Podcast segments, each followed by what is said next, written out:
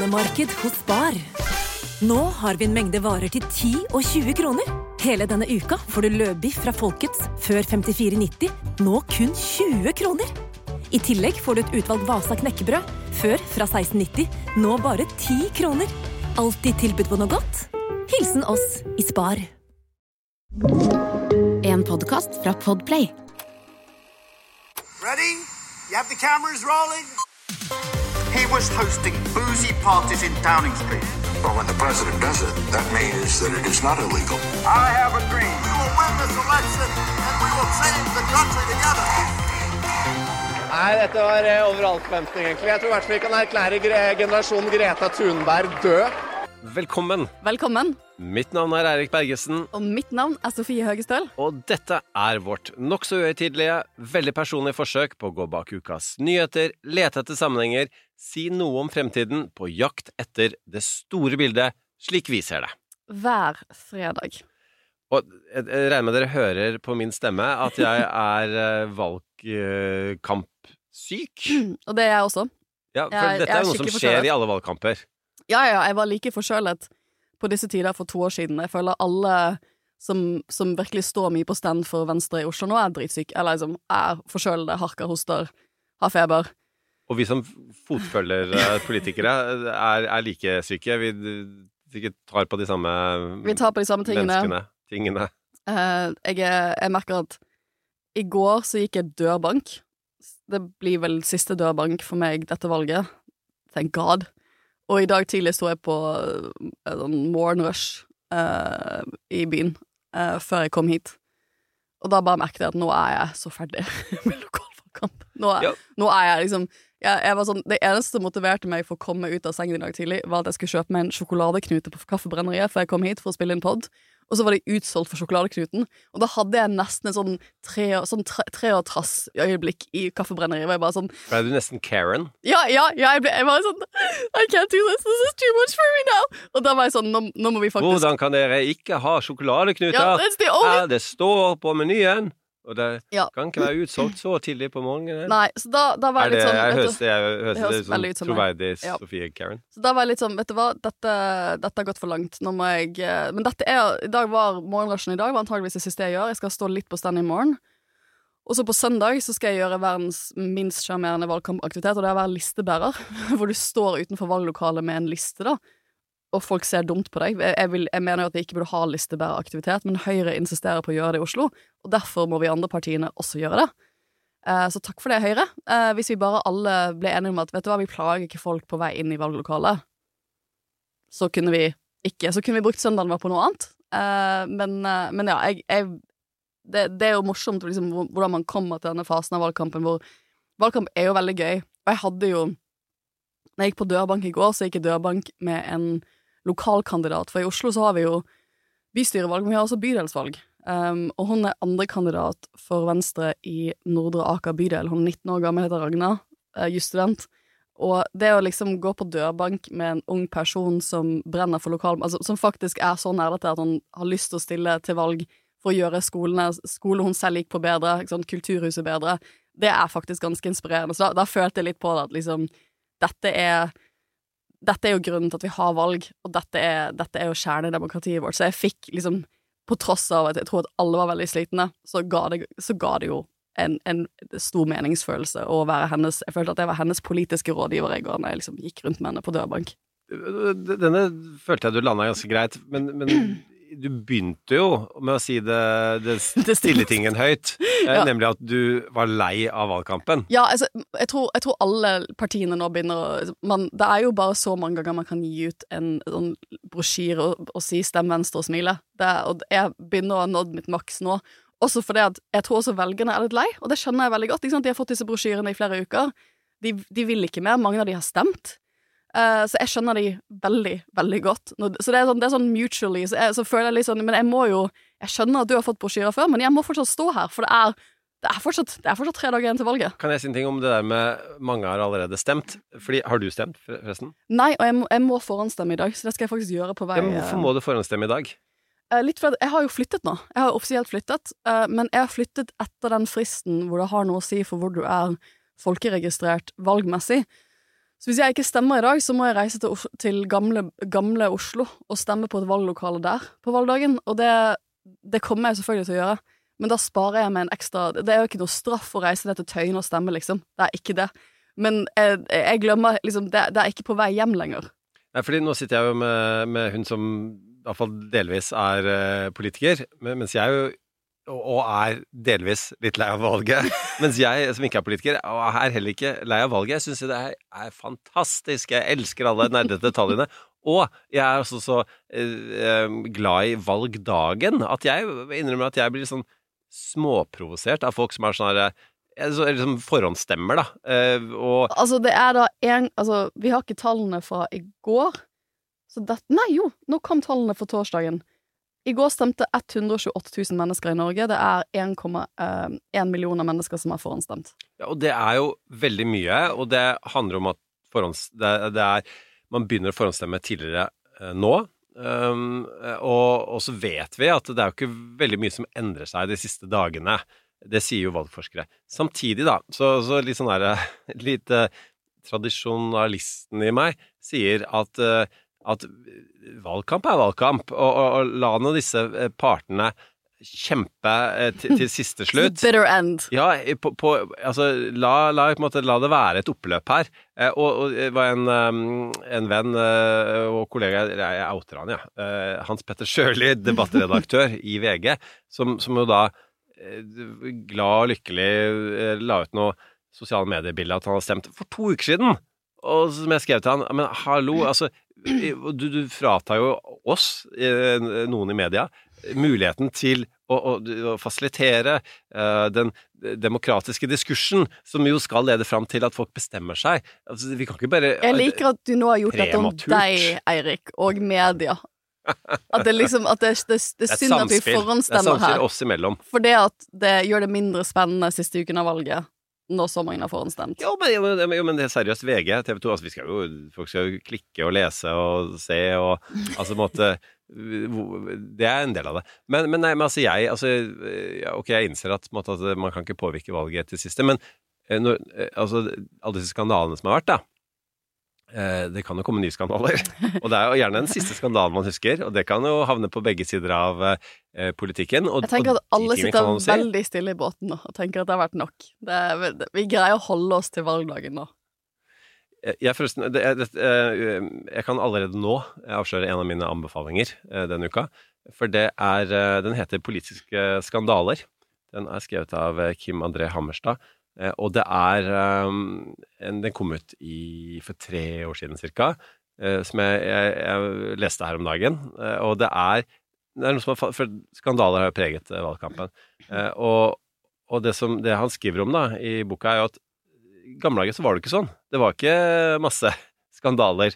Det var, øh, var, var sjelden skandaler. Det begynte sånn på 80-tallet, og en av begrunnelsene han bruker da, er at øh, før så embetsverket hadde mye tydeligere rolle, hadde mer autoritet overfor politikerne, og så begynte politikerne å fylle inn med politiske rådgivere og komfolk osv. som, som måtte eh, ble veldig opptatt av budskapet, da, eh, og ble litt større avstand til disse sånn som deg, da, sånne jurister som, som pirker på detaljer og spilleregler og sånne ting.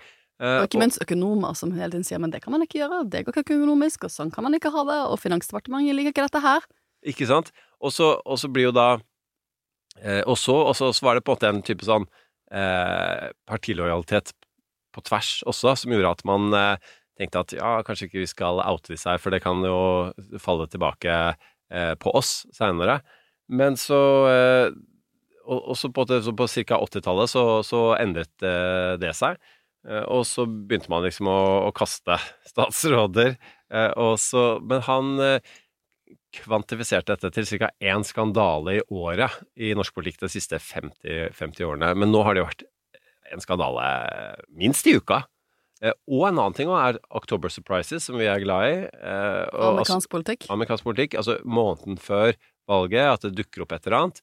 Det er også blant sjeldenhetene i norsk politikk. Eh, Og han forteller at eh, altså Mustafa-brevet som eh, Carl I. Hagen leste opp i sin tid, som viste seg å være falsk, det var på den eneste sånn der på oppløpet i valgkampen-sakene. Eh, Og, han forteller samtidig eh, at Og nå har du hatt veldig, veldig mange eh, her i Norge, dette valget. Han forteller også at, at sjelden så påvirker de tallene til, til partiene, bortsett fra faktisk Terje Rød Larsen-saken i sin tid. Det er den eneste hvor forskerne klarte å finne at da falt faktisk Arbeiderpartiet ganske mye.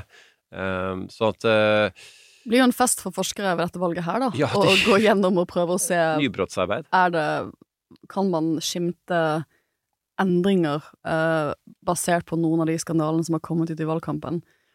Jeg har jo faktisk et lille bilde som ikke handler om valg, så jeg må ta nå før jeg glemmer det. Ja. Og det er at jeg er blitt tante igjen. Gratulerer. Jeg ble tante på onsdag eh, til en nydelig liten jente som heter Charlotte. Men det var ikke uten dramatikk, for hun kom to-tre uker tidlig, og jeg tror jeg nevnte på podden før, men svigerbroren min, Daniel, er i Heimevernet. Han har en sånn militærhund som heter Diva.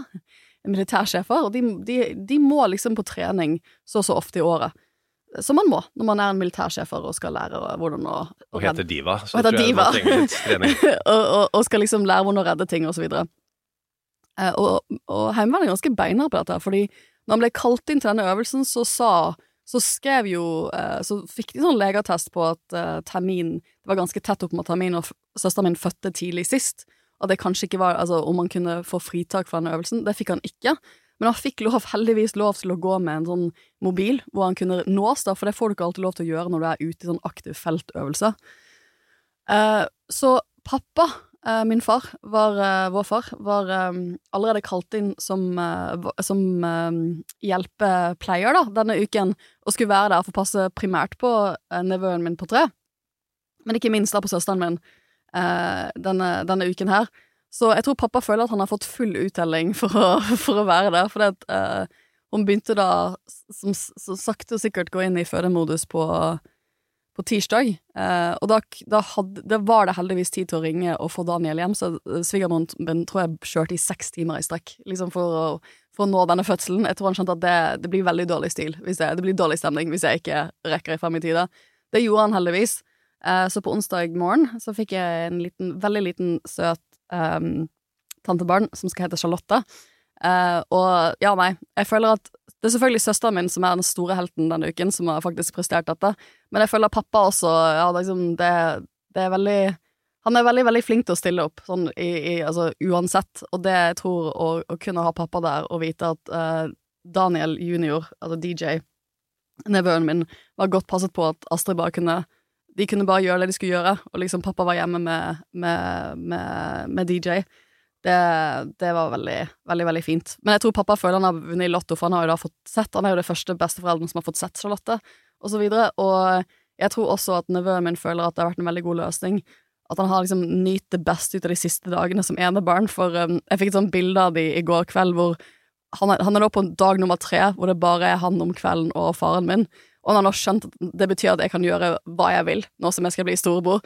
Så liksom middag har vært sånn ostepop og smågodt, eller han har, han har spist litt av den maten pappa har laget, men så har han skjønt at liksom, nå er det bare å hente godteskålen, liksom, og så spise alle disse greiene her.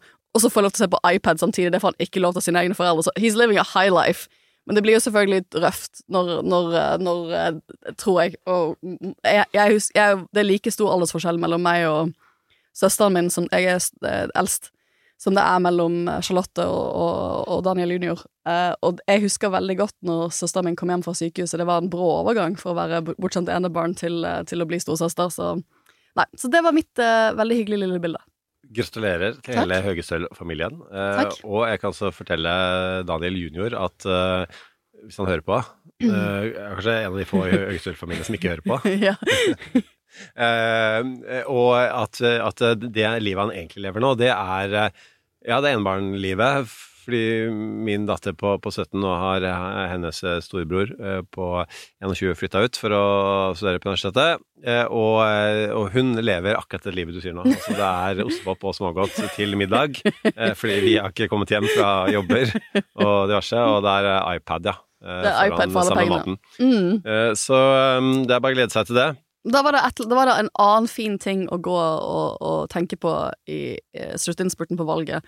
Men du, eh, det, det er veldig rare for meg, sånn, hvis vi går tilbake til valg Vi skal snakke litt om USA. Vi skal gjøre et lite sveip om hva som skjer ellers i verden, for jeg, jeg er litt personlig så lei av det norske valget nå. Men vi, vi skal holde oss til det norske valget litt til. For vi skal gjøre oss klar til å gå inn i en litt sånn annerledes type uke for oss to. For vanligvis når vi dekker valg sammen, så er jo det amerikanske valget, og da skal vi begge sitte og kommentere det valget eh, når det valget skjer. Eh, men det Altså, neste uke, på mandag, så skal du reise til Bergen og ta på deg kommentatorrollen og kommentere lokalvalget, mens jeg skal sitte på eh, part, eh, valgvaken til venstre og, også på andre siden av gjerdet. Og det blir, det blir rart. Det blir, rart. Skal, det blir veldig rart å se deg på, på storskjermen på Venstres valgvake kommentere det mens jeg sitter der og venter i spenning på liksom valgresultatet. Jeg klør meg på høyre øreflipp. Er det en signal. Så eh, hold ut, Hold ut. eh, Sofie. betyr det. Nei, og det, og det blir um, Altså, nå, dette er jo et oppløp uh, både for partiene og for, uh, For media. mediene.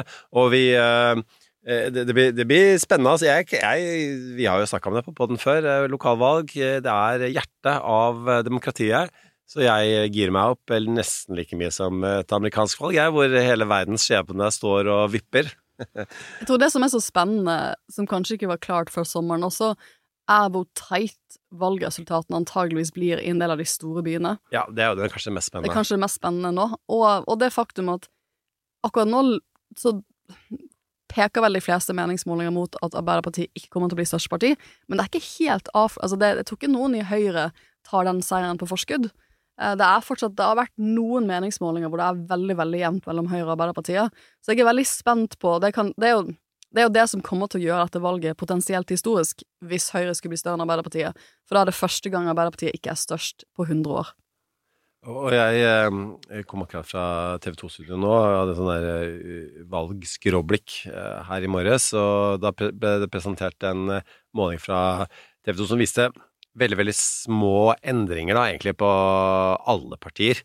Eh, Sånn at det har eh, det er måte det, er, det er lite som har flyttet seg, og så er det liksom det, det som vi snakka om eh, i, i forrige uke også, med vår venn Goggen, eh, eks-Frp, nå First House, om dette med at det har vært, liksom, det har vært skandalenes valg, det har ikke vært sakenes valg, og det betyr at sånn som sist, med sentralisering eh, og bompenger og sånn, som, som dominerte veldig, så, så er, det, er det på en måte ingen saker som dominerer, og det, og det betyr i utgangspunktet at eh, at, at dagsordenen er der for å tas da, av, av de som klarer det, hvis de klarer å komme på med en sak. Men, men det er det jo ingen som har klart til nå, og det ser jo nå ut som det er ingen som kommer til å klare det.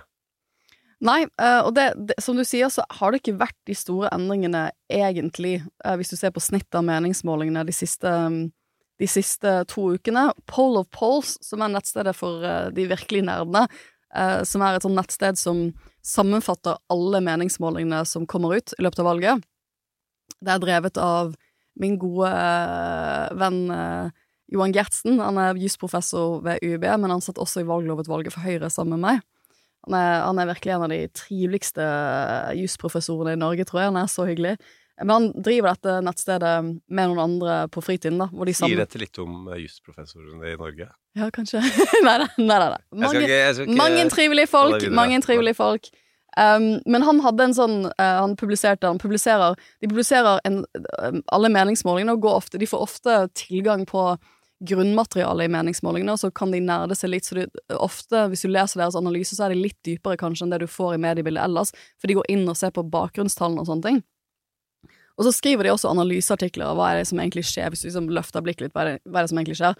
Og uh, han skrev en, eh, en, en sånn analyseartikkel uh, 6. september, som bare for to dager siden, som traff meg rett i hjertet, hvor tittelen var 'Venstre vokser'. Og det han har gjort, er at han har sammenlignet um, meningsmålingene nå, den, altså 6, til og med 6. januar, med hvor de var for noen uker siden. Hvor var det, liksom, Hva egentlig skjedd de siste ukene av valget? Og da er relativt til størrelse da Venstre det som er mest i fremdrift. Eh, det er ikke sånn stor, det er sånn fra 5,1% til 5,8 men det er, jo, det er mye for et lite parti, da, så det, det, det merket at det ga meg masse boost til å faktisk gå på dørbank og stå på stand. Men er ellers så ser du jo at liksom Arbeiderpartiet gikk, har gått fra sånn 20,7% til 21,2. Det er ikke Det er jo bare 0,5 prosentpoeng da, de siste to ukene hvor de har vokst i gjennomsnittet, da, vel å merke. Gjennomsnittet av meningsmålingene. Og det er en, det er nok ikke en stort nok hopp. Det sier jo litt om at hvis du tenker at de kanskje da må ta igjen 3 prosentpoeng ish um, Høyre har gått fra 26,2 eh, prosent på gjennomsnittet av meningsmålingene for en uke siden til å ha 25,1 prosent. Hvis du tenker på at det er kanskje 3-4% som skiller, da, så er det mye å ta igjen den siste uken av valget, spesielt når så mange folk har stemt. Så man, jeg, jeg begynner, man begynner jo å skimte litt hva man tror kommer til å skje, men det som gjør lokalvalg spesielt, det er jo at det handler Altså, det nasjonale valgresultatet er jo viktig, for det peker jo litt hvor går, hvor er landet akkurat nå. Men lokalt så er det jo veldig åpent og veldig jevnt i mange av storbyene som vi kommer til å bruke mye tid på å følge på valgkvelden. Eh, og for det at folk samarbeider litt ulikt i lokalvalg, så er ikke fasiten skrevet på hvem som kommer til å være ordfører um, i ganske mange kommuner i Norge, eller hvem som kommer til å lede, uh, lede kommunene, som for eksempel byrådsleder. Det er, helt, det er helt uklart for meg om det blir uh, Høyre eller Arbeiderpartiet. Det er helt åpent uh, i Oslo, for eksempel, på mandag. Så det gjør valget overraskende spennende, da. Ja, så er det, så er det jo sånn at det På en måte så er det jo ikke ett lokalvalg. Det er 357 lokalvalg. Det er 357 lokalvalg. Og, og, de, og alle har sin, sitt særpreg, og alle som, som du sier, har sine koalisjoner. Noen steder så, så er Arbeiderpartiet og Senterpartiet, eller veldig mange steder, er de hovedmotstandere. Noen steder er, er Senterpartiet samarbeid med Høyre, noen steder samarbeider med Arbeiderpartiet med Høyre. Og det gjør det veldig forvirrende. Jeg har snakket med noen av disse spinndoktorene i disse Altså nasjonalt, da, som for eksempel eh, i Arbeiderpartiet, som for eksempel eh, snakker om liksom, en eller annen kampanje man må kjøre mot Høyre, og så sier lokale ordføreren at eh, nei, nei, nei, nei, vi, det er det. vår. Og det er sånn, jeg føler det er jo litt det særlig de store partiene gjør mot hverandre nå, at de finner en eller annen kommune hvor for eksempel har Høyre vært mot privatisering, sier Jonas Gahr Støre. Jo, men Erna, i disse kommunene her, så har ikke Høyre heller ville sette ut eldreomsorgen på anbud. For du finner masse, rar, altså masse forskjellige konstellasjoner, og du finner også litt lokale varianter av alle partiene. For eksempel, eh, en av de, en av de valgene jeg er mest spent på, er Trond- Trondheim. Hvem skal styre Trondheim? Blir det Høyre? Eh, Og hvis det blir Høyre, kommer Senterpartiet da til å ha byttet side for å gjøre Høyre til, til de som skal lede byen. Og det, det er jo en konstellasjon du ikke kommer til å se nasjonalt. Det er ingen nasjonal bevegelse for at Senterpartiet skal bytte om eh, side. Men det er et spørsmål, sånn som jeg skjønte, da, fra, fra venner som følger uh, Trondheim-politikken mye tettere enn meg, uh, om et spørsmål om hvis de støtter uh, Hvis de støtter Høyre, om Høyre da også gir de fylkesordføreren, for eksempel. For det er jo masse hestehandling som skal skje i dagene etter valget, og det er jeg veldig, veldig spent på. Men når det er sagt, så ser du jo en Du ser jo en viss trend siste uken nå ved at um, Arbeiderpartiet, eller Jonas Gahr Støre, intervjuer, har fått spørsmål tror du at dere blir størst, og ikke bygger opp noen forventning om det, og heller prøver å bygge opp en forståelse av at det er ikke viktigst å være størst, eller som han har sagt i noen intervjuer som jeg har satt på, det er ikke viktigst å komme først, eh, men det er viktigere hvor mange ordførerskjeder vi beholder.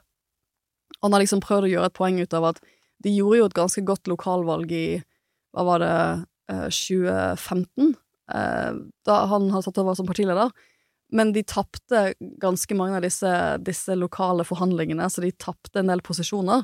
Men så gjorde de et ganske dårlig lokalvalg sist, i 2019, men så av forhandlinger så beholdt de ganske mye makt i byen allikevel.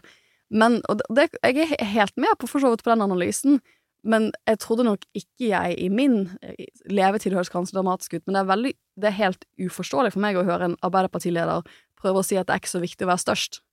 For det har jeg aldri hørt en Arbeiderpartileder si før, føler jeg. Jeg skal komme med et, eh, en ganske Gahr Støre-anekdote veldig kjapt. Men bare aller først dette med, med skandaler, fordi det er jo også sånn at eh, lokalpolitikken har sine skandaler, eh, og, og antageligvis så, så, så vil de være viktigere enn enn hva som skjer nasjonalt, om hva mannen til uh, Annike Huitfeldt har gjort uh, Eller mannen til Erna Solberg. eller mannen til Erna Solberg har gjort i morgenkåpen uh, hjemme før han skulle legge seg på, på aksjemarkedet, er kanskje ikke så viktig eh, på, på små steder, men, men man kan ha gjort lignende type ting. Pluss at eh, habilitet, eh, som jo med god grunn har blitt en valgkampsak, er jo ikke minst viktig lokalt, hvor eh, forholdene er enda mindre, eh, og habilitet eh, noen ganger kanskje er enda vanskeligere å følge, og, når, og kanskje enda vanskeligere for folk som ikke er yrkespolitikere. Selv yrkespolitikere åpenbart har slitt veldig, de også. Um, så, så at alle disse, alle disse tingene som også kommer opp til overflaten rikspolitikken, har også sine lokale varianter rundt omkring i kommunene. Nei, altså større poenget mitt handler om eh, partilederdebatten som var nå Ja, for du, tidligere i uka. du var der igjen på TV. Altså, det var i Deichman. Det var veldig, TV 2 igjen. Veldig pent filmet her i Oslo på Deichmanske bibliotek. Det var nydelig. Nydelige, nydelige bilder eh, til alle de i produksjonen på TV 2. Eh, fantastisk. Eh, og og, om, eh, det er jo selvfølgelig et majestetisk bygning, så vanskelig at det ikke skal se utrolig flott ut. Eh, og så, så blir Altså, eh, i likhet med deg, da, eh, så er jo de veldig slitne, disse her eh, partilederne. Um, og, De har jo jobbet helt sinnssyke arbeidsuker. Hvis du tenker Ja. på bare all reisingen de gjør, og så på toppen av det alle velgermøtene de gjør. Og, så, og da, da får du liksom en slags sånn dramaturgi da, fra, fra, fra eh, partilederdebatt til partilederdebatt, hvor de er litt sånn avventende den første, og så den andre er de liksom litt sånn i tottene på hverandre, litt sånn overaggressive, eh, overtenning, eh, og så nå er de på en måte eh, selv om enda mer står på spill, eh, eh, og er, noen er enda litt mer desperate, så er de såpass slitne at de klarer ikke helt å eh, hogge til eh, sånn som de gjorde før. Heldigvis. Så det ble ganske det ble en veldig eh, balansert og ganske så informativ seanse, føler jeg.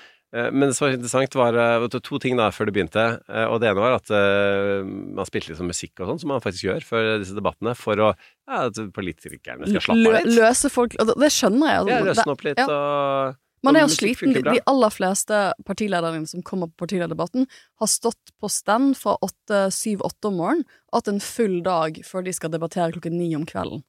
Og så, det som da skjer, er at uh, Trygve Slagsvold Vedum benytter anledningen når musikken er på, til å by opp uh, både Kirsti Bergstø og Erna Solberg til dans. Så de får seg begge en sving om. Han hadde mer suksess der enn uh, da han prøvde å by opp Michelle Obama til dans på Nobelfesten. Det gikk ikke like bra. Men det er, sånt, sånt er, er gøy å se, og det er klart at disse De er jo det er jo en, eh, Om ikke de er nære venner, så er de godt forlikte. eh, Og det er jo på en måte, og de har veldig respekt for hverandres eh, kunnskaper um, og kompetanse. Og det, det er gøy å se. Nei, på poenget mitt igjen da, med Støre var at jeg sto litt sånn i utkanten um, før det skulle begynne, og han tusla litt rundt og samlet tankene, og plutselig så, så, så sto vi like ved hverandre, og så måtte jeg bare spørre min gamle UD-sjef da om eh, hvordan går det? Ja, det går nå bra. Så, ja, har du liksom roen? Ja. Og, det, og det, han var ekstremt rolig. Eh, og så spurte jeg, og så sa jeg at ja, det er jo det er mye skandaler om dagen. Så han ja, ja, sånn er det. Og det er sånn er det. Altså, måte, det er noe valgkamp og, og, og på en måte Altså, det som slo meg, da, eh, var på en måte at bare på de, den lille passiaren før de skulle på, er at eh, politikere Man tenker sånn at, at disse skandaler og, og, og negative meningsmålinger går veldig inn på de, men, men det gjør egentlig ikke det. Eh, fordi de Det er liksom the name of the game med politikk. Altså, det, det er eh, Jeg skal ikke dra enda en fotballanalogi her, men, men altså, det er liksom litt sånn I fotballen taper du masse kamper.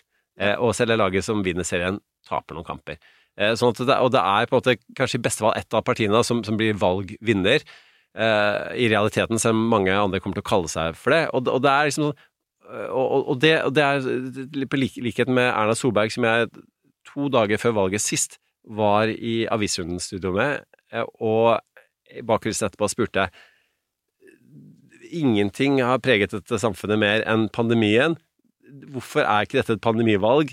Og det at det ikke er det, og at ikke dere får eh, fortjent kred for det dere har gjort i valgkampen, jeg føles ikke litt urettferdig, liksom? At, at, Erna som minus eh, Geilo og sushi-affæren, da, gjorde en god jobb.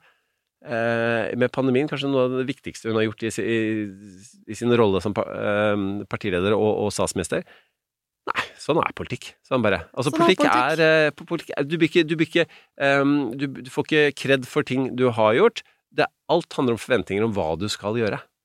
Ja, og, så, og sånn er det. Eh, på mandag så gjorde jeg eh, en sånn eh, bakgårds eh, med Guri og Marit Vea, som er en av toppkandidatene våre her i Oslo, og Isabel Ringnes, som har blitt medlem av Venstre, i Trine Skei Grande sin bakgård.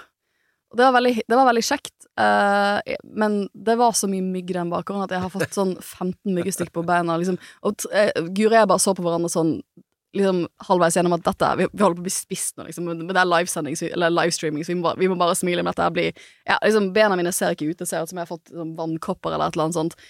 Men, uh, men, men da, da Altså, Guri fikk jo ikke så gode score første to partilederdebattene. Og jeg har alltid sånn tenkt på hvordan er det å få så direkte bak tilbakemeldinger, og som, og som du sier, sånn stange ut og stange inn, eh, og, um, og liksom Det er jo veldig vanskelig å skille den type kritikk fra personen din, og ikke ta det personlig. Eh, men det føler jeg Guri greier å gjøre. Da. Hun har mange positive kvaliteter. En av de er at du må bare gå videre. Du, må, du, du, kan ikke um, henge deg opp i at du gjorde eh, at eh, at du følte det, det, gikk dårlig i en debatt, for du må gjøre mange til. Så det, det har du ikke tid til i en valgkamp. Men jeg følte hun var mye mer sånn avslappet på mandag, da, for da snakket vi om Vi snakket om liksom ting som var viktig for oss, da, så det ble mye snakk, snakk om um, barseltjenester i Oslo og jordmortjenester og skole og rullerende barnehageopptak og mye sånt. Men, um, men, hun var liksom mye mer avslappet, følte jeg, liksom, enn det hun kanskje hadde vært uh, Eller hun er jo ofte avslappet, men hun virket, hun virket ganske tilfreds, da. Reiste mye rundt, det var god stemning. Og så så du at på onsdag så bare klaffet alt plutselig i partilederdebatten. Og han var kåret til debattens vinner av både TV 2 og Dagbladet. Terningkast seks i TV 2. Ja, og, og liksom terningkast seks i Dagbladet, terningkast fem i VG. Uh, eh, og det, det, var nok litt altså, Det var jo ikke minst fordi at de to temaene på TV 2 um, debatten, det var jo skole og klima, og det er de to toppvalgkampsakene til Venstre. Så da får du jo servert en debatt som skal være rigget til at du skal gjøre det ganske bra. Men hun liksom hadde, hun greide å beholde den avslappede stilen, og det har jeg, og, og liksom også, også bare nullstille seg, da. Og jeg vet ikke om jeg hadde greid det på samme måte. Jeg synes det er veldig Og det, det må jo alle partilederne gjøre hele tiden, ikke sant. Den, hun nye Rødt-lederen gjorde en kjempedebatt første debatten, og så, liksom hadde, og så må du leve med at så blir ikke alle debatter like gode som det, og det, det er et eller annet uh, utrolig imponerende sånn medmenneskelig å se hvor mye dritt man til tider kan ta da som partileder, og man må ta disse valgkampene, så nullstiller man seg, og så går man videre dagen etter. Ja, nei, hun uh, gjorde en, en, en, veldig god innsats, uh, og det var åpenbart Eh, for en som da fulgte det til kulissene, åpenbart glede å spore i venstreleiren. Ja, han ble jo omringet av unge venstrefolk. Hadde jo ventet utenfor, på, liksom, utenfor. De hadde liksom banner og boombox og liksom hele pakken, så jeg tror det var, det, det var, det var stas. Jeg håper ikke de spilte den der liberal uh, Det, det gjorde de helt sikkert. Det er digg, digg, digg, digg, digg å være liberal. Mm. Har, du, den har jeg på løpelisten min. Så jeg, når jeg jogger ute, så jogger jeg av og til til den. Mm. Du tuller? Nei, nei, nei. Ja, nå har jeg den på hjernen igjen. Ja, dette trodde jeg hadde klart å kutte meg med etter at jeg eh, bisto deg med en sånn festtale på Venstres landsmøte sist. Kronemarked hos Bar. Nå har vi en mengde varer til 10 og 20 kroner. Hele denne uka får du løbiff fra Folkets før 54,90, nå kun 20 kroner. I tillegg får du et utvalgt Vasa knekkebrød, før fra 16,90, nå bare 10 kroner. Alltid tilbud på noe godt. Hilsen oss i Spar. Uh, men greit. Uh, det, det som også var interessant å se, var uh, Jan Christian Vestre, næringsministeren. Han var backstage med oss på dette bakrommet. Uh, og han er altså det, For en energi den fyren har. Jeg vet ikke hva han går på. Jeg vet ikke, vet, vet ikke hvor, hvordan man får sprøyte inn så mye energi. Altså, for han er også sånn overalt nå. Og han styrer jo fortsatt et departement, og det er jo fortsatt budsjettforhandlinger denne uken. Det er jo masse som skjer for, for statsrådene som ikke har noen ting med valgkamp å gjøre. Men så står de Jeg, jeg, jeg ser han står over hele Oslo nå, er på TV. Er, han er jo nestleder så han må jo ut og forsvare dårlige meningsmålinger og hele pakken. Det, ja, imponerende. Han, eh, han, jeg tror han var på det til og med det siste segmentet, så var han sånn fem på tolv. Da sto han liksom og trippet eh, og bare rett inn og, bare, og fullrose sin eh, partileder, da, som var kanskje ikke helt uforventet, men, men måten han gjorde det på, var med en veldig intens energi. Eh, apropos eh, at eh, utdanning var et av temaene. Jeg satt jo med, med, to stykker som har vært tidligere utdanningsministre, nemlig både Henrik Asheim og Torbjørn Røe Isaksen. Den sistnevnte nå i en mer, om ikke nøytral, altså iallfall en mer sånn nøktern form, som kommentator. Og da måtte jeg bare spørre han om han savna å være utdanningsminister. og det svarte han veldig klart og tydelig nei, nei. på. Og at han egentlig ikke savnet da eh, partipolitikken eh, heller. Så det er noe med når man først er ferdig med det, at man går videre. Det merket vi jo litt med Goggen ja. forrige uke òg. Ja, jeg tror det er sånn tens når du er oppe um, Når du har det som fulltidsjobb og er liksom på statsrådens nivå eller nestleder i et parti. Det er så utrolig intenst. Det, det, er en livsstil. Og som alle andre livsstiler, når du er ferdig med den livsstilen, så er, livsstilen, så er det egentlig ganske deilig. Men eh, det er et uh, annet valg jeg har lyst til å prate ja, litt om. Ja, for du har på deg en T-skjorte. Jeg har på meg T-skjorta 'Skolstreik for klimatet'. du har virkelig en T-skjorte for every occasion. Og, It's not a joke. For every occasion. Ja, jeg vet det. og, og, denne anledningen er jo at uh, det har vært skolevalg, som en del har fått med seg. Valgets uh, store vinnere ble spesielt Unge Høyre, men også FPU. Mhm. Eh, og Ola Svenneby, leder i Unge Høyre, han feiret det hele med å erklære at generasjon Greta Thunberg er død. Ja, jeg, jeg så på dette, jeg livestreamet det mens jeg lagde middag, for jeg tror resultatene kom klokken syv. Så da hadde jeg liksom det på iPaden min ved siden av meg mens jeg lagde middag. Eh, for det at selv om skolevalget er jo skolevalg, det er en egen ting. Det er en egen eh, Altså, det jo det, det Det fanger jo ofte opp stemningen som var der og da på den konkrete skolen eh, som skoledebatten gikk på. Men, så det er ikke alltid at den samsvarer så godt med valgresultatet. Vi gjorde for eksempel for fire år siden et veldig godt skolevalg. Gjorde et helt ræva kommunevalg for fire år siden. Så det er ikke nødvendigvis slik at det er en hard eh, link mellom skolevalgsresultat og det valgresultatet vi vil se på mandag. Det er ofte en indikasjon. Men, men, det er en, men det er ofte en indikasjon på en strømning. Eh, og, så, så det er, og det er jo på mange måter den første løypemeldingen man får som er et valgresultat. Uh, for vi glemmer jo veldig ofte at en tredjedel av de som stemmer i skole, skolevalg, har jo faktisk stemmerett. Så mange av de er reelle velgere. Det er jo ikke sikkert at alle de stemmer akkurat det samme som det de gjorde uh, i skolevalget på det ordentlige valget, men vi må jo anta at det er en, igjen en viss link der, da. Og fordi vi også vet at andregangsvelgere stemmer Mindre. minst, Mhm. og at førstegangsvelgere stemmer ganske greit, så, så, så, er, så er de førstegangsvelgerne ganske Det å få en følelse av hvor de er, er ganske Det, er ganske, det, det gir en viss type pekepinn, da. Eh, og jeg var jo, som veldig mange andre, sjokkert over at Arbeiderpartiet For det var jo litt sånn Igjen, det er jo det er, Politikken er jo ubarmhjertig, ikke sant? Det er Det var jo eh, Jeg så på NRK sin sending, og det var veldig klart at det de fokuserte på, var Høyres valgvake. Og det var Arbeiderpartiets valgovervåker. Hvorfor det? Jo, fordi at de også kunne føle på at det er veldig stor sjanse for at Arbeiderpartiet eller AUF da har blitt mindre etter skolevalget enn det en Høyre er, og det kan være en pekepinne på hvordan ting går neste uke. Så hvis man, for de, for de av dere som så på, så så dere vel det, det var jo alle de bildene som ble brukt eh, i avisen i timen etterpå. Men det var jo at Jonas Gahr Støre sitter der med Astrid Horn, som er veldig dyktig AUF-lederen, eh, og får eh, dette valgresultatet hvor de ikke bare er mindre enn Høyre, de er også mindre enn Frp, altså FPU. Og det hadde jeg nok ikke forventet. Det var en skikkelig overraskelse. Og, men det nok mange heller ikke hadde forventet, var at uh, den ellers så sympatiske Ola Senneby bruker da sin eh, Han fikk tilmålte taletid. Han fikk litt overtenning. Jeg følte at Du kunne bare se at han var sånn ja! Ja! Fikk litt overtenning, og så bare brølte han ut med et budskap som jeg tror han tenker var ganske kult. Uh, og så traff Eller jeg tror nok det traff en del folk. Men det var nok et utsagn som var åpnet for veldig mye, mis, altså, veldig mye eh, tolkning i feil retning, så de, de, han måtte jo prøve å gå ut og, ta, og, de inn igjen sammen med Erna Solberg noen timer senere. Eh, Og det, det, som er, er synd, da, eh, fordi at som sagt, dette er en valgkamp preget av skandaler, og selv en, en positiv ting for et parti klarer man å surre seg inn i en ny skandale på. Eh, og eh, en av forklaringene hans var jo at, eh, at det, dette var noe som, som ble sagt nærmest i affekt, uh, og basert på, på litt uh, på lite søvn og matforgifting. Um, men altså men, Klassisk politikersvar. Ja, Jeg har sovet så lite. Jeg har fått litt matgift. Ja. Mm. Kunne vært et argument for uh, venstresidens krav om gratis skolemat.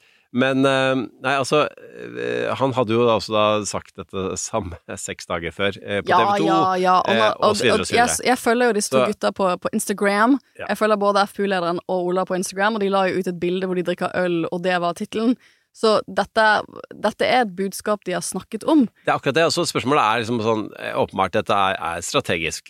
Og, og hvorfor eh, sier han det? Og så kan du bare legge til for øvrig at det var en gjeng som, eh, av stortingsrepresentanter og diverse i Høyre som rushet ut for å forsvare han. Ja. Mathilde Tybring-Gjedde, eh, ellers eh, sympatisk og morsom, eh, sier at dette har da eh, eh, det, det er ingen grunn til å tro at dette har eh, er synonymt med klimakrig, eh, Greta Nei. Thunberg. Nei, og Og det er akkurat vanskelig å forstå. for det er litt det de prøvde å selge inn, at dette var ikke en kritikk av klimabevegelsen. Eller en måte å snakke ned at klima er viktig på. Det var mer en kritikk sånn woke-aktig Greta Thunberg altså, At det, hun betyr noe annet for de enn det jeg tror de aller fleste i offentligheten altså, eh, tenker, når de hører hennes navn, tenker på klimakampen og klimastreik. Og jeg tenker jo det er kanskje Det er jo et sånn type utspill som sikkert treffer noen, men igjen, uh, igjen det jeg følte litt på, da, som, er, som, som står på stand i Oslo og snakker om at, eh, om at vi vil ha et skifte, at vi kan få til mer klimapolitikk med Høyre, for det er jo ofte det jeg har fått spørsmål om, så er ikke det veldig Det er ikke, det er ikke noe jeg sånn personlig syns var veldig morsomt, for det at eh, Høyre har jo jeg mener gjort ganske mange eh, steg i riktig retning når det kommer til klimapolitikk. Du har mange som Mathilde, Mathilde Tybring-Gjedde, som bruker mye tid, som er genuint veldig opptatt av klima, har brukt mye tid på å snu eget parti i riktig retning. Eh, og det er litt sånn fra et venstreperspektiv, da, når vi prøver å selge inn at nei, vi kan få bedre klimapolitikk med Høyre enn vi, skal, uh, vi kan Arbeiderpartiet, så er ikke det en drømmebudskap eh, midt, altså midt i innspurten på valget. Det er det ikke.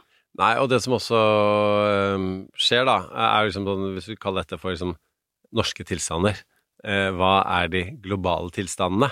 Eh, og det er jo da at eh, dagen etter dette skjer, så går FNs generalsekretær Antonio Guterres eh, ut og erklærer at klimasammenbruddet har begynt, blant annet fordi at årets sommer var verdens varmeste noensinne. Det har vært brann, det har vært flom i mange land. I Norge har det vært flom. Så, så, i den grad man skal prøve å finne en likhet mellom Flom og Unge Høyre, så er det at begge har steget til rekordhøyder under valgkampen. Sånn at det, det blir en sånn Altså, no, boblen Norge, da. Altså Meanwhile in Norway. Eh, altså, det eh, Altså, det er det, det, jeg tror også bare at det, Det er er, en overskrift. Liksom. Høyre prøver å safe inn valget nå. Det er det du gjør i valgkampinnspurten. De øyner at de kan bli størst, og de øyner at de kan vinne en del av de store byene tilbake. Eh, og da har du lyst til å safe de siste, siste ukene. Du har ikke lyst til å, å skape noen vyer, du har ikke lyst til å skape noen bølger. Du har ikke lyst til å get off message og komme inn i debatter du ikke vil. Og hva skjer rett etter dette utspillet? Jo, eh, SV legger ut sånne mm, morsomme videoer av hvordan du kan eh, endre stemmen din til Høyre. Eh, du får kronikker skrevet mot deg for andre politiske motstandere om at, å ja, det viser jo bare at den klima, altså klimavaskingen til Høyre bare har vært en spøk. Dette viser hva de egentlig tenker. Så liksom, da, jeg, jeg, jeg følte meg litt som en av de siste sesongene i, eh, i West Wing, hvor det er en sånn scene hvor det er liksom We're off message! We're off message! Og det følte jeg også litt sånn Nei, liksom, vi må, liksom, dette var ikke det budskapet vi skulle snakke om nå i innspurten på valget. Samtidig så må jeg jo si at jeg har snakket med en del folk som, så, som, som skjønner akkurat hva Ola sier. For Ja, vi må huske at han snakker ikke til min til Er han egentlig off message? Ja. Er han ikke veldig på message? Ja, ja, ikke sant? Det, for, For Unge Høyre. For Unge Høyre, ikke? For, for meg, som, som, som, som er aktiv i Venstre, så er han off message for, for, for hva som passer mitt parti. Men, men jeg tror vi må huske at han snakker ikke til oss. Det ikke det, dette budskapet skal ikke treffe deg, hverken deg eller meg. Uh, og det, jeg har snakket med en del folk hvor det budskapet traff, fordi, hvor de føler at sånn Jeg tror det treffer litt den sånn tanken om at, de, eh, at man, den generasjonen kan føle at de har blitt veldig sånn labeled as woke, og liksom, at man har liksom blitt avskrevet som at det er sånn og sånn og sånn. Uh, som har blitt sånn, Greta Thunberg har blitt et symbol for det, da. Og det er man litt ferdig med.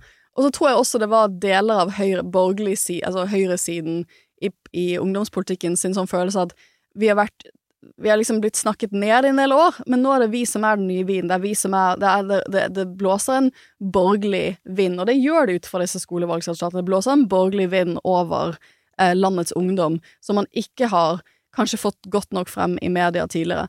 For det er jo et- det Faktum er jo at Frp, Høyre og Venstre har flertall ut ifra skolevalget. Og det, og det, er, det er over Det er nok noen som vil være overrasket over det. Når det er sagt, så føler jeg at um, ja, nei, jeg, jeg, som For å bruke Erna Solberg sin uttrykk, jeg hadde ikke brukt akkurat de ordene.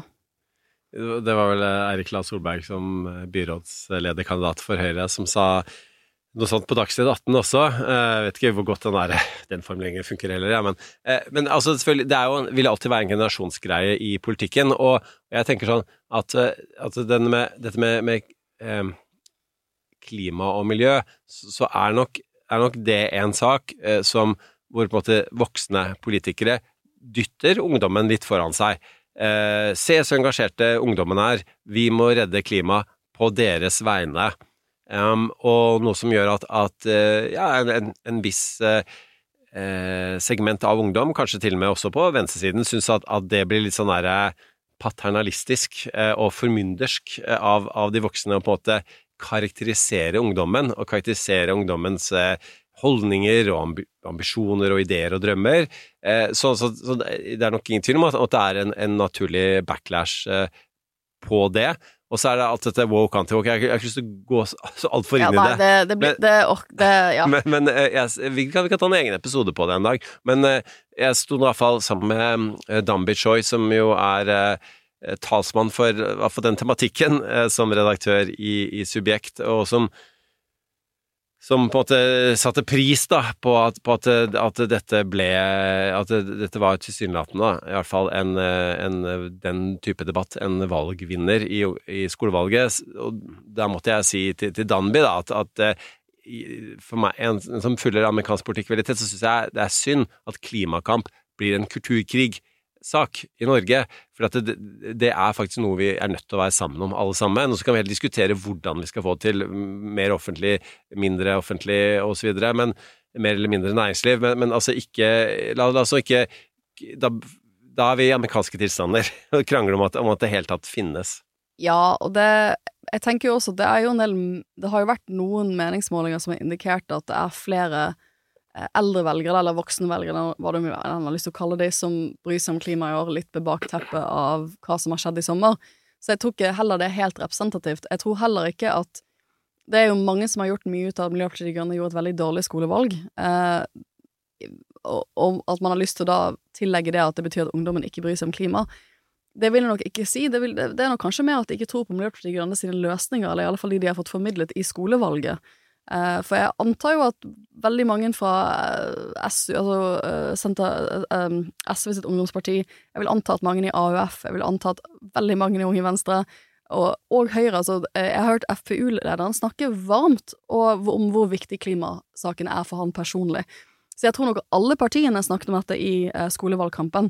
Det jeg har hørt fra en del av de unge venstre som har vært på disse skole, skoledebattene, var de følte at til tider at Miljøpartiet De Grønne ikke var like godt eh, og At de ikke var like godt forberedt, rett og slett. Eh, og det, for det er jo det, det tror vi glemmer, er at det er, ligger sinnssykt mye forberedelser i skolevalget. Du må skolere, bokstavelig talt, kanskje altså 50-100 ungdom til å ta skoledebatter som kanskje ikke har vært tatt skoledebatter eller vært, liksom, hatt store debatter før noensinne. Du må skolere de.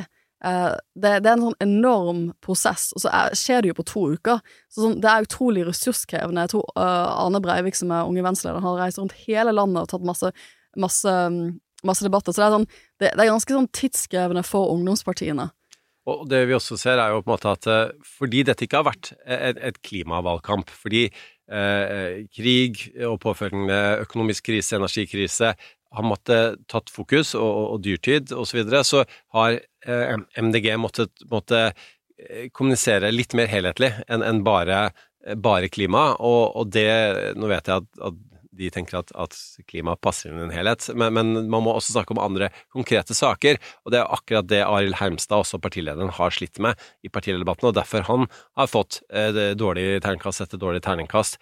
Eh, men, men et sånn eh, et poeng også som er eh, Altså, jeg, jeg, tror på en måte at for å tolke eh, Ola Senneby da, i beste mening, altså kanskje han også tenker at eh, tar det for gitt, da, at, at faktisk folk skjønner at Unge Høyre er veldig opptatt av klima, at FpU er veldig opptatt av klima, at han tillater seg på en måte også å spøke litt med det. Eh, Men, dessverre for han, da, så, så, så bruker han meningsmotstanderne det mot han. Han må bruke eh, tiden, til og med fram til nå, eh, altså flere dager, på, på å forklare hva han egentlig mente. Eh, Men eh, han har i hvert fall eh, og kanskje fikk han for, for mye kjeft, og kanskje vil det slå tilbake, og det er noe, noen de kan bruke eh, som eh, eh, krutt senere i valget, men med en liten eh, det er ikke så mye senere i valget nå. Det er jo det det, det, det. det, er. Plutselig har du brukt to dager på å snakke om dette her istedenfor en del andre ting. Men som sagt, det vi, vi, vi er ikke godt nok posisjonert til å si at dette ikke var et budskap som, som ga ganske mye gjenklang, eh, som faktisk ga en del uttelling for Ola Sandeby. Det vet, altså det Igjen, han snakket ikke til å treffe oss. Eh, Og et, et, bare et siste poeng om dette eh, fra partilederdebatten, eh, og, og det hele med liksom sånn norske versus globale tilstander. Eh, Sylvi Listhaug også hadde sånn Hennes poeng da, rundt Melkøya var at det hjelper ikke hva Norge gjør. Eh, Vi, skal, vi trenger ikke å kutte så mye, for det viktige er å kutte globalt. Og så er spørsmålet hva er globalt finnes det et eget land som er globalt som kan kutte, eller er alle land til sammen globalt? Eh, Og, når, du på en måte har den type argumentasjon fra partileder, da blir man jo litt sånn der mistrøstig til hvordan man skal få forståelse for hva det faktisk handler om når man skal kutte. Eh, Fordi si hva du vil om, om Melkøya, men et eller annet sted må man jo faktisk kutte. Og Norge henger langt etter resten av verden Et eller annet sted så må man kutte, og realiteten er slik at det er de man velger inn i kommunestyrene nå, som har en realistisk sjanse på å ta, eh, ta faktisk ta beslutninger som vil gjøre at man når klimamålene i 2030. De skal sitte fra 2023 til 2077. I neste lokalvalgsperiode så er det for sent. De kan akselerere, de kan forbedre, de kan dytte enda mer, men det er denne fireårsperioden her som bre, lokalt som vil bre et grunnlag for om man faktisk når de målene eller ikke.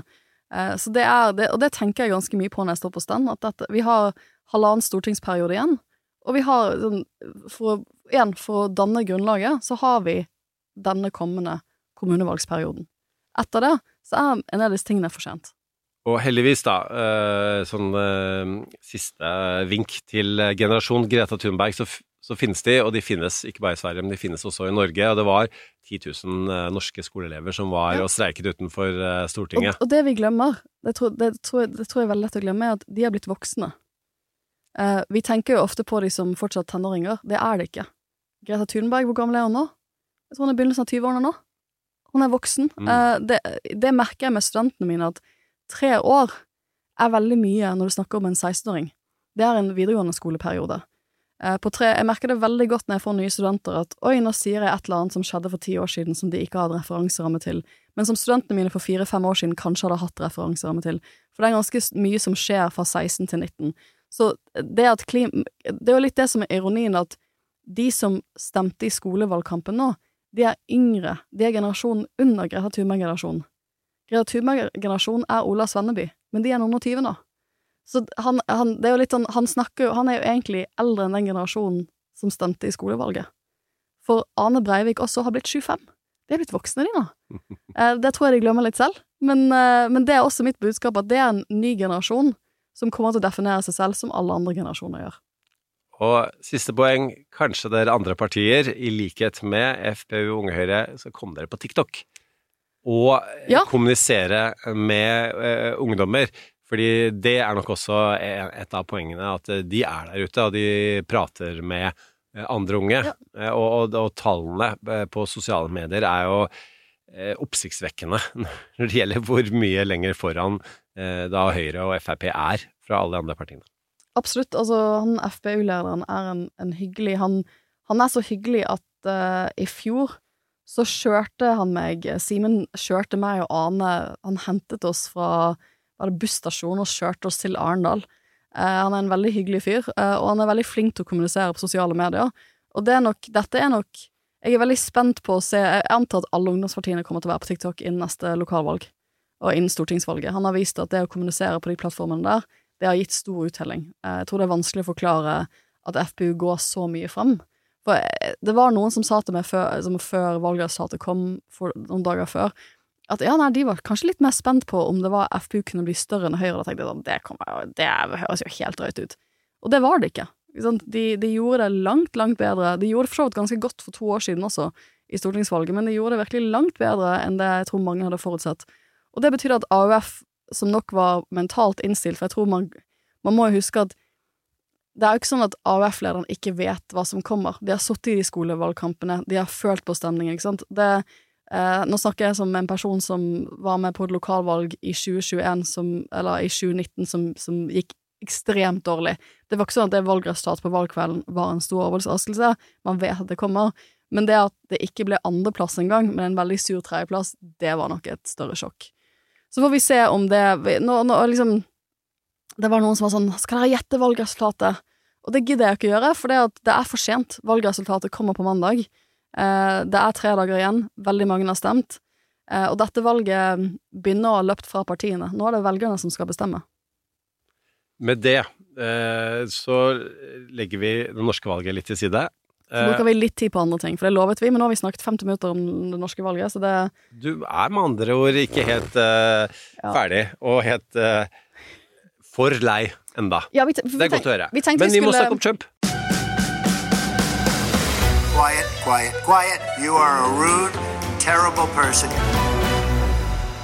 vi, vi må snakke om Trump. Og vi må snakke om eh, eh, Altså, og, og, altså um, Proud Boys eh, og Oathkeepers eh, og den gjengen som organiserte og stormet eh, Kongressen eh, etter instruks fra Donald Trump, eh, kan man hevde. Angivelig instruks. Eh, Mm. Og for de har nemlig eh, denne uken eh, fått sine dommer.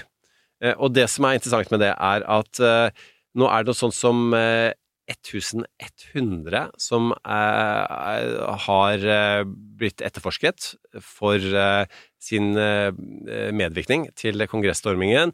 Det er noe sånt som eh, 600 som er blitt tiltalt. 300 er blitt dømt. Eh, og det vi En fra Oathkeepers Det er, den største tidligere. det er den største etterforskningen som FBI har gjort noensinne i amerikansk historie, for, for å gi det et perspektiv. Og denne uken er det Proud Boys sin tur, og der har lederne der eh, blitt dømt. De har fått Og- veldig lange fengselsstraffer, rett og slett. Veldig lenge, lange. Eh, Det er eh, sikt, Altså, tiltalene var vel sånn cirka på det doble, men, men altså, de endte opp med fra 10 til 22 års fengsel. Ja.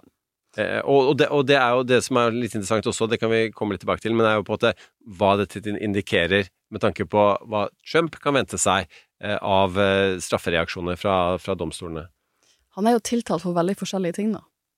Men nå, kom den kjedelige strafferettsjuristen og bare Han er jo tiltalt han, for Trump er jo Dette har vi vært gjennom før. Trump, Trump er jo ikke personlig tiltalt for å ha vært Nei. eller gjort eller medvirket til volden som skjedde 6. januar. Han er tiltalt fordi at den hovedforbrytelsen, eller stamforbrytelsen, der kan man jo si han er tiltalt for at han prøvde å omgjøre valget via ulovlige metoder. Det, Som da selvfølgelig førte til storming av Kongressen. Så det, alt henger jo sammen med alt her, det er ikke det? Absolutt, men det, det jeg hang meg litt oppi, da, var eh, dommeren eh, i eh, i eh, en av disse sakene, som vel het Kelly, som var da republikansk oppnevnt eh, i under eh, Trump, som bruker som argumentasjon da, at dette er fullstendig uakseptabelt for et demokrati. Ja. Vi må sikre at dette aldri skjer igjen. Og den type argumentasjon kan man jo bruke analogt på, på Trumps tilfelle. Altså det at en, en president Ja, én ting er det å oppildne disse demonstrantene, eller, eller eh, terroristene, som de blir kalt i, i eh, tiltalen. Eh, men en annen ting er på en måte det også prøve å stjele et valg. Eh, det er jo lett å forestille seg at, at den samme type retorikk kan bli brukt av en, en, en annen, eller samme type juss kan bli brukt av en annen dommer eh, i Trumps saker. Ja, det er jo interessant, for når man skal gjøre straffeutmåling, som det heter på norsk, altså sette hvor lenge Altså hvis du er, du er blitt funnet skyldig i en, i en straffbehandling, og så må jo dommeren da eh, sette en strafferamme på det du har gjort konkret. Og da har de jo ofte retningslinjer de skal eh, ta, jobbe ut ifra, og så, har, så står det kanskje også i selve paragrafen du har blitt dømt for, hvor lang strafferammen er. Kanskje en minimumsstraff og en maksstraff. Så da vet du liksom hvordan, hvordan skal man legge seg innenfor det spennet, da. Eh, og det ser jo ut som noen av disse dommerne har trukket frem alvorlighetsgraden til hva dette er, som en skjerpende det vi ofte kaller for en skjerpende omstendighet. Er det noe ved forbrytelsen som gjør det til en litt grovere, denne konkrete handlingen, til litt grovere enn det en annen type sak kanskje ville vært. Um, og det, jeg syns jo det er interessant at det virker som de har syntes at det er en skjerp... Altså, de syns at selve omstendighetene er så alvorlige at det er skjerpende i seg selv, og tilsvarende høyere fengselsstraff.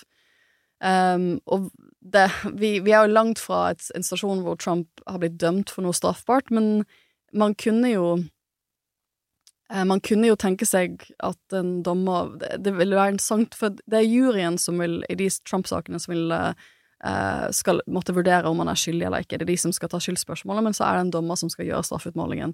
Og hvordan den dommeren, hvordan, hvordan de tenker på en del av disse um, omstendighetene, om det vil være Om de vil tenke at liksom, noen av de lavere nede som har hjulpet Trump, kanskje ikke fortjener så mye straff, men at det er skjerpende at det er han som var sittende president som gjorde dette. Det ville jo I teorien, da, skal Altså, man kunne jo tenke seg um, eh, Man kunne jo tenke seg tilsvarende stasjoner hvor det For eksempel da i disse Man har jo hatt noen straffesaker nå eh, mot stortingsrepresentanter som snusket på reiseregninger og sånne ting, og det var jo litt sånn det at man hadde det, akkurat det vervet der, var jo ikke, var ikke formildende omstendighet, akkurat.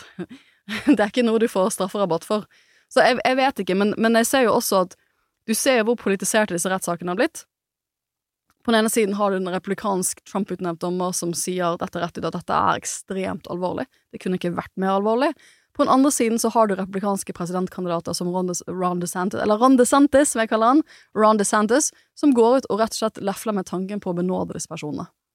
Og mener at de har fått altfor strenge fengselsstraffer. Ja, og, og Trump har jo også sagt det, at han ser for seg Ja, at han vi, forvent, vil vi, for, vi forventer jo at Trump gjør det, men det at resten av republikanske feltet Mm. også lefler med det, det sier noe om stemningen i det republikanske partiet. Eh, Og, og det er ingen tvil om at mange av disse som, som nå har blitt dømt, forventer også uh, at de skal bli benådet. Uh, men det som er interessant å se, var at uh, de skiller seg litt, grann, for at de fleste av de er ganske angrende, faktisk. Sier at det, dette var ikke sånn de hadde ønsket seg. De var ikke, ikke helt klar over konsekvensene. De var med andre ord ikke så proud, ikke så stolte lenger. Og, og, men han, han ene som da som han som fikk ti års fengsel, han Pelozzo, var det vel? Han som var den første som tok politiskjoldet, eh, stjal det, og så brukte det til å åpne et vindu som knuste et vindu som gjorde at de, alle andre stormet inn. Her som ellers, veldig dumt å være først. Veldig, Veldig dumt å veldig dumt å være ta først. bilder av seg selv og filme og legge ut i sosiale medier. Det var kanskje også. det jeg tenkte på, altså på under stormingen, at de, de filmer jo sin egen forbrytelse. Dere, der, filmer jo, altså Jeg vet at jeg har snakket med statsadvokater som sier 'elsker forbrytere som tar bilder'. Jeg bare gjør det. Jeg bare ta de selfiene. Uh, men det er klart, veldig spesielt. Nei, fordi og han var en av disse som, som angret seg veldig nå, og, og uh, men, men så idet han da går ut av rettssalen, så roper han at uh, Trump hadde valget. Ja. Så, sånn, så, så, litt ja. ja, Hvor, hvor dypt det synker, det er, det er vanskelig å si, men, men det som jo skiller de litt, da, for at da hadde Stuart Rhodes, som da er leder i Oathkeepers, han ble dømt i vår En annen høyreradikal gruppe. ja, en annen gruppe, eh, høyreradikal gruppe, og han har faktisk, jeg vet ikke om du visste dette, men han har gått på Yale Law School. No, and tenk å ha studiegjeld fra Yale Law School, and, and, and you've used it for this. Og han forsvarte seg selv til å begynne med. Det gikk veldig dårlig det, for det øvrig. er ingen, det burde, ingen som burde gjøre det. Det er, det, er, det, er verdens, det er verdens dårligste strategi. Å være sin egen forsvarer. Hvis du hadde vært eh, tiltalt for noe, hadde du forsvart deg selv? Aldri. Nei. Like lite som jeg ville operert på meg selv hvis jeg, hvis jeg altså, var lege. Jeg var tull. Veldig godt eksempel. Eh, nei, men også, så for de som husker tilbake, så, så var jo altså Donald Trump sa jo i en presidentdebatt eh, at eh, stand back and stand by, eh, og hva var det de, måtte de gikk og ventet på? Jo, tilsynelatende var det jo 6. januar. Ja, vel har ikke Trump en direkte rolle i dette her, men, men sånn, han, er ikke tiltalt for det. Det, det er viktig å Det er noe annet enn at du ikke hadde noe Altså, Ja, fordi du kan snakke moralsk, du ja, skal for snakke forsvarerne til disse folkene mener jo at de handlet De peker jo på Trump. All, alle de peker jo på Trump, ikke sant? og det har de en interesse av å gjøre. For å si at vet du hva, vi var bare noen vanlige well-meaning citizens som, som var veldig store Trump-tilhengere, og så ledet denne stygge mannen oss inn i en stasjon hvor vi gjorde noe straffbart. ja, og, og, og, og vanlige velmenende er de åpenbart ikke, fordi dette Nei. begynte vi å planlegge fra da han sa dette her, og, og, og fram til 6. januar, og det de gjorde var jo å samle folk, samle utstyr, samle våpen, Og- og, såkalt seditious conspiracy, og da skal du få lov til å forklare hva det betyr. Nei, du må forklare hva Ja, okay, det betyr. altså Det er jo et slags sånn opp, eh, oppvigleri, da, Ja. eh, som er, er planlagt og systematisk. det, det er med, altså, her snakker vi overlegg, og det er litt interessant, for etter stormingen av 6. eh, så var det jo en del s- A, vi visste ikke egentlig hva som hadde skjedd. Var det, det- var det en spontan voldsutbrudd?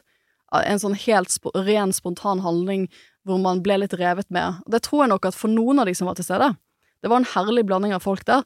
For noen av tilsynelatende bestemødre som var til stede, og tok masse selfies av seg selv mens de gikk rundt i kongressbygningen, så skjønte de, så var ikke det, det var, De kom ikke der den dagen for å gjøre dette her. Eh, derfor har de fått mye lavere straffer. Men disse typene her har blitt tiltalt for eh, et straffebud som innebærer at du har planlagt noe.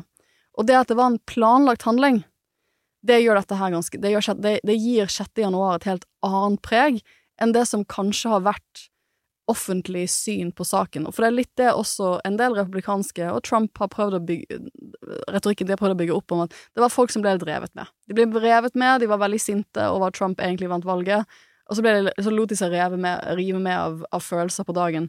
Men det er jo ikke det disse typene har blitt dømt for nå, og det er derfor de har fått så strenge straffer. For det at uh, her mener både påtalemyndighet og nå dommeren uh, og juryen eh, at de har gjort dette her med det var planlagt, rett og slett. Eh, Og um, mange spør seg altså på en måte hvem, hvem er eh, Proud Boys? Hvor, hvor, hvor, hva er opprinnelsen? Eh, og bare for å ta det, da. Eh, det startet av en som heter Gavin McGinnis i 2016, og det som også er interessant for folk som følger med mye med i media, er at han var også med å stifte noe annet, nemlig Vice Media, som er en slags sånn Ja, ja, ja. TV-kanal, litt sånn hip, edgy TV-kanal. Eh, sånn at eh, ODB som stiftes som en slags, slags sånn ølklubb for eh, altså folk som er opptatt av, av De kalte seg vestlige sjåvinister, mener at eh, samfunnet er litt for overfeminisert osv. Eh, og eh, de pleier faktisk å drikke øl på et av de stedene som, som jeg var nå sist jeg var i USA, i påska. eh, Som er sånn kjent som Proud Boys-sted. Så er det åpenbart eh, eskalert, og noe av det handler om at de ønsket å være en motreaksjon til Black Lives Matter og tok til gatene osv. Eh, og så gikk det veldig veldig galt. Eh, Fasiten ser vi med kongressstormingen. Men det som er litt sånn skummelt nå, er jo på en måte at de har lagt ned våpnene sine. Og hvorfor er det skummelt? Jo, fordi det de har gjort i stedet, er å prøve å bli valgt inn i mange ulike sånn lokale, mindre politiske utvalg, eh, skolestyrer videre rundt omkring. Og, og man kan godt forstå de som syns det er litt intimidating, hva er det på norsk, Sofie? Altså føler seg litt sånn truet Ja. eh, av det sitter Proud Boys-folk der eh, i et eh, skolestyre og skal prøve å påvirke det. Uh, og, og, og de prøver også på, altså på vegne av det republikanske partiet da, å inn, infiltrere de, uh, og, og, om, om, det, om det ligger noe uh, voldelige trusler bak, om det vil eskalere seinere, det, det vet man jo ikke. Men, men uansett, det er, det er jo ikke en særlig heldig utvikling for det amerikanske demokratiet.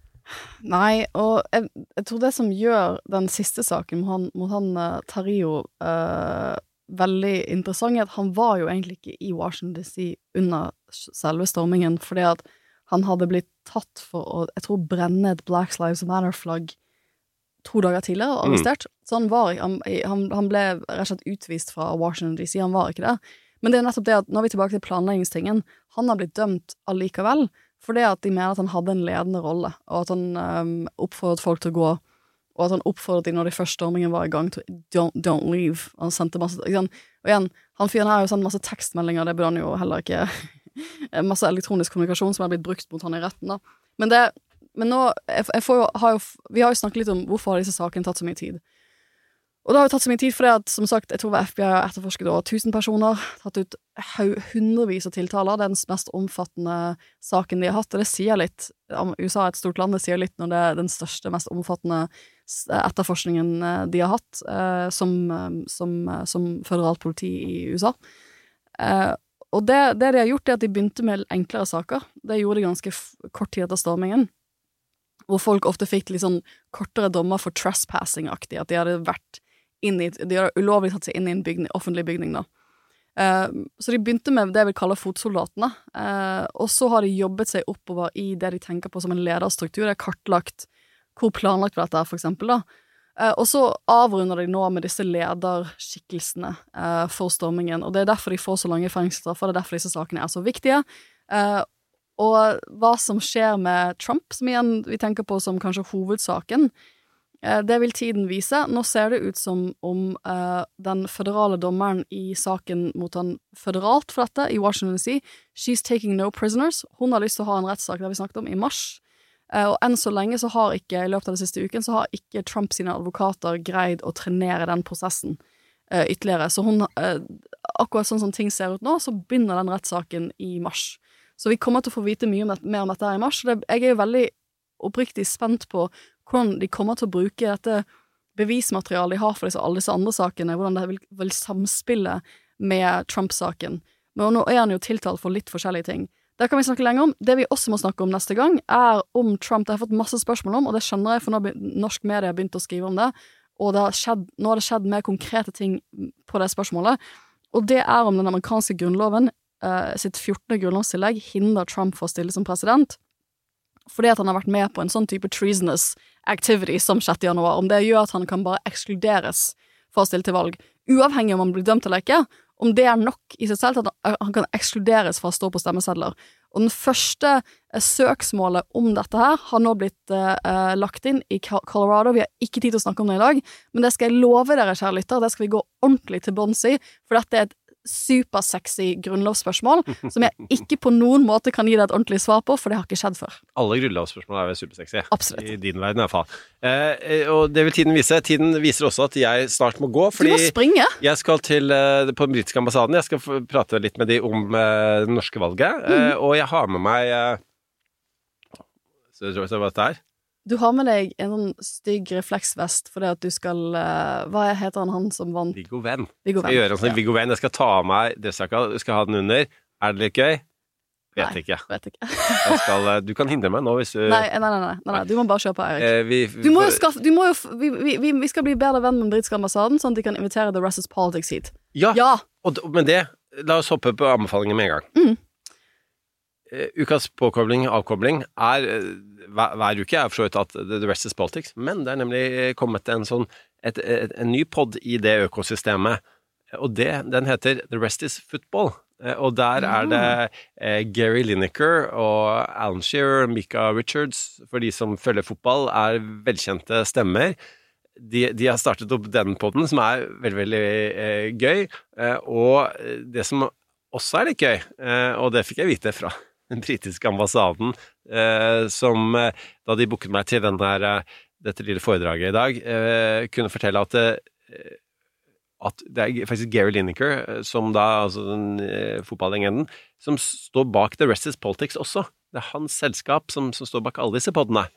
Det er litt morsomt. Det er litt morsomt. Um, Kunne, kunne man se for seg Altså, det store bildet Vi føler at vi er sånn litt sånn lillebror-pod til The Rest is Politics. Det store fotballbildet. Er det noen, er, hvis det er noen fotballfolk så der ute si som ja, det blir nok ikke med meg, så- det blir nok ikke med meg som programleder. Men mindre du har lyst til å høre mine fotballanalyser som en person som ikke ser på fotball, som ofte blir det av typen sånn Hvorfor får de ikke ballen inn i det målet? Det er jo ofte sånn, det er ofte det jeg lurer på når jeg ser på en fotballkamp. Det er null mål. Hva har vi holdt på med i 90 minutter? This is so boring.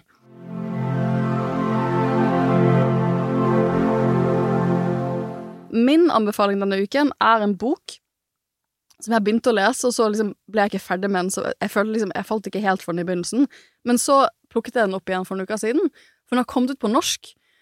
Og så leste jeg den ferdig og syntes den var veldig morsom. Um, so it grew on me. Uh, og den heter Lessons in Chemistry by Bonnie Jeg må bare finne etternavnet hennes her. Uh, hun heter så mye som Bonnie Hun er uh, Bonnie Garmus. Og den har vært en sånn uh, sleeper bestseller. Den har blitt en sånn superstor bestselger i USA.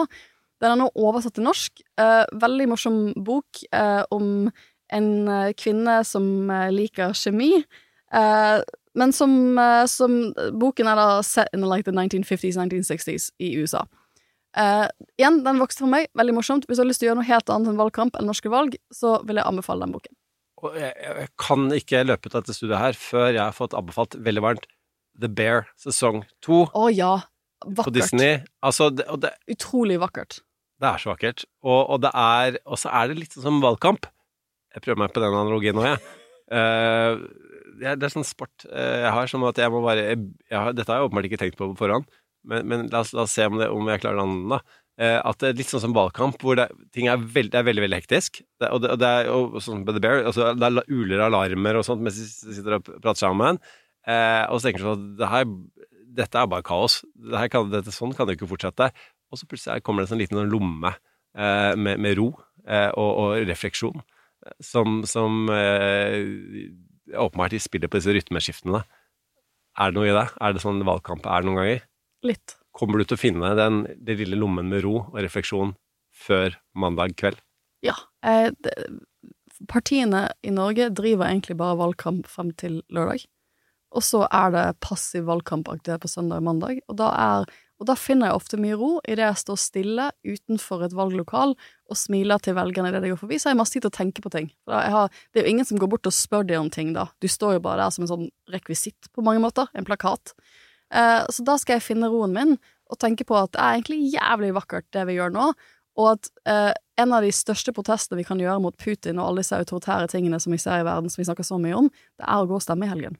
Og vise at det å styre oss selv, det å ha et levende lokaldemokrati, det er faktisk ganske fint. Så med det, folkens, eh, eh, stem på mandag. Støtt eh, Sofie og de 49 999 andre nordmennene som står til valg rundt omkring i ulike kommuner. Det er deres Det er naboene deres.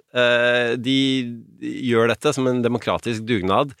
Støtt de, og ha en flott helg fram til da, og en fortreffelig neste uke. Vi lyttes. That's enough. Put down the mic. Du har hørt en podkast fra Podplay. En enklere måte å høre podkast på. Last ned appen Podplay, eller se podplay.no. Kronemarked hos Spar. Nå har vi en mengde varer til 10 og 20 kroner. Hele denne uka får du løbiff fra Folkets før 54,90, nå kun 20 kroner. I tillegg får du et utvalgt Vasa knekkebrød, før fra 16,90, nå bare 10 kroner. Alltid tilbud på noe godt.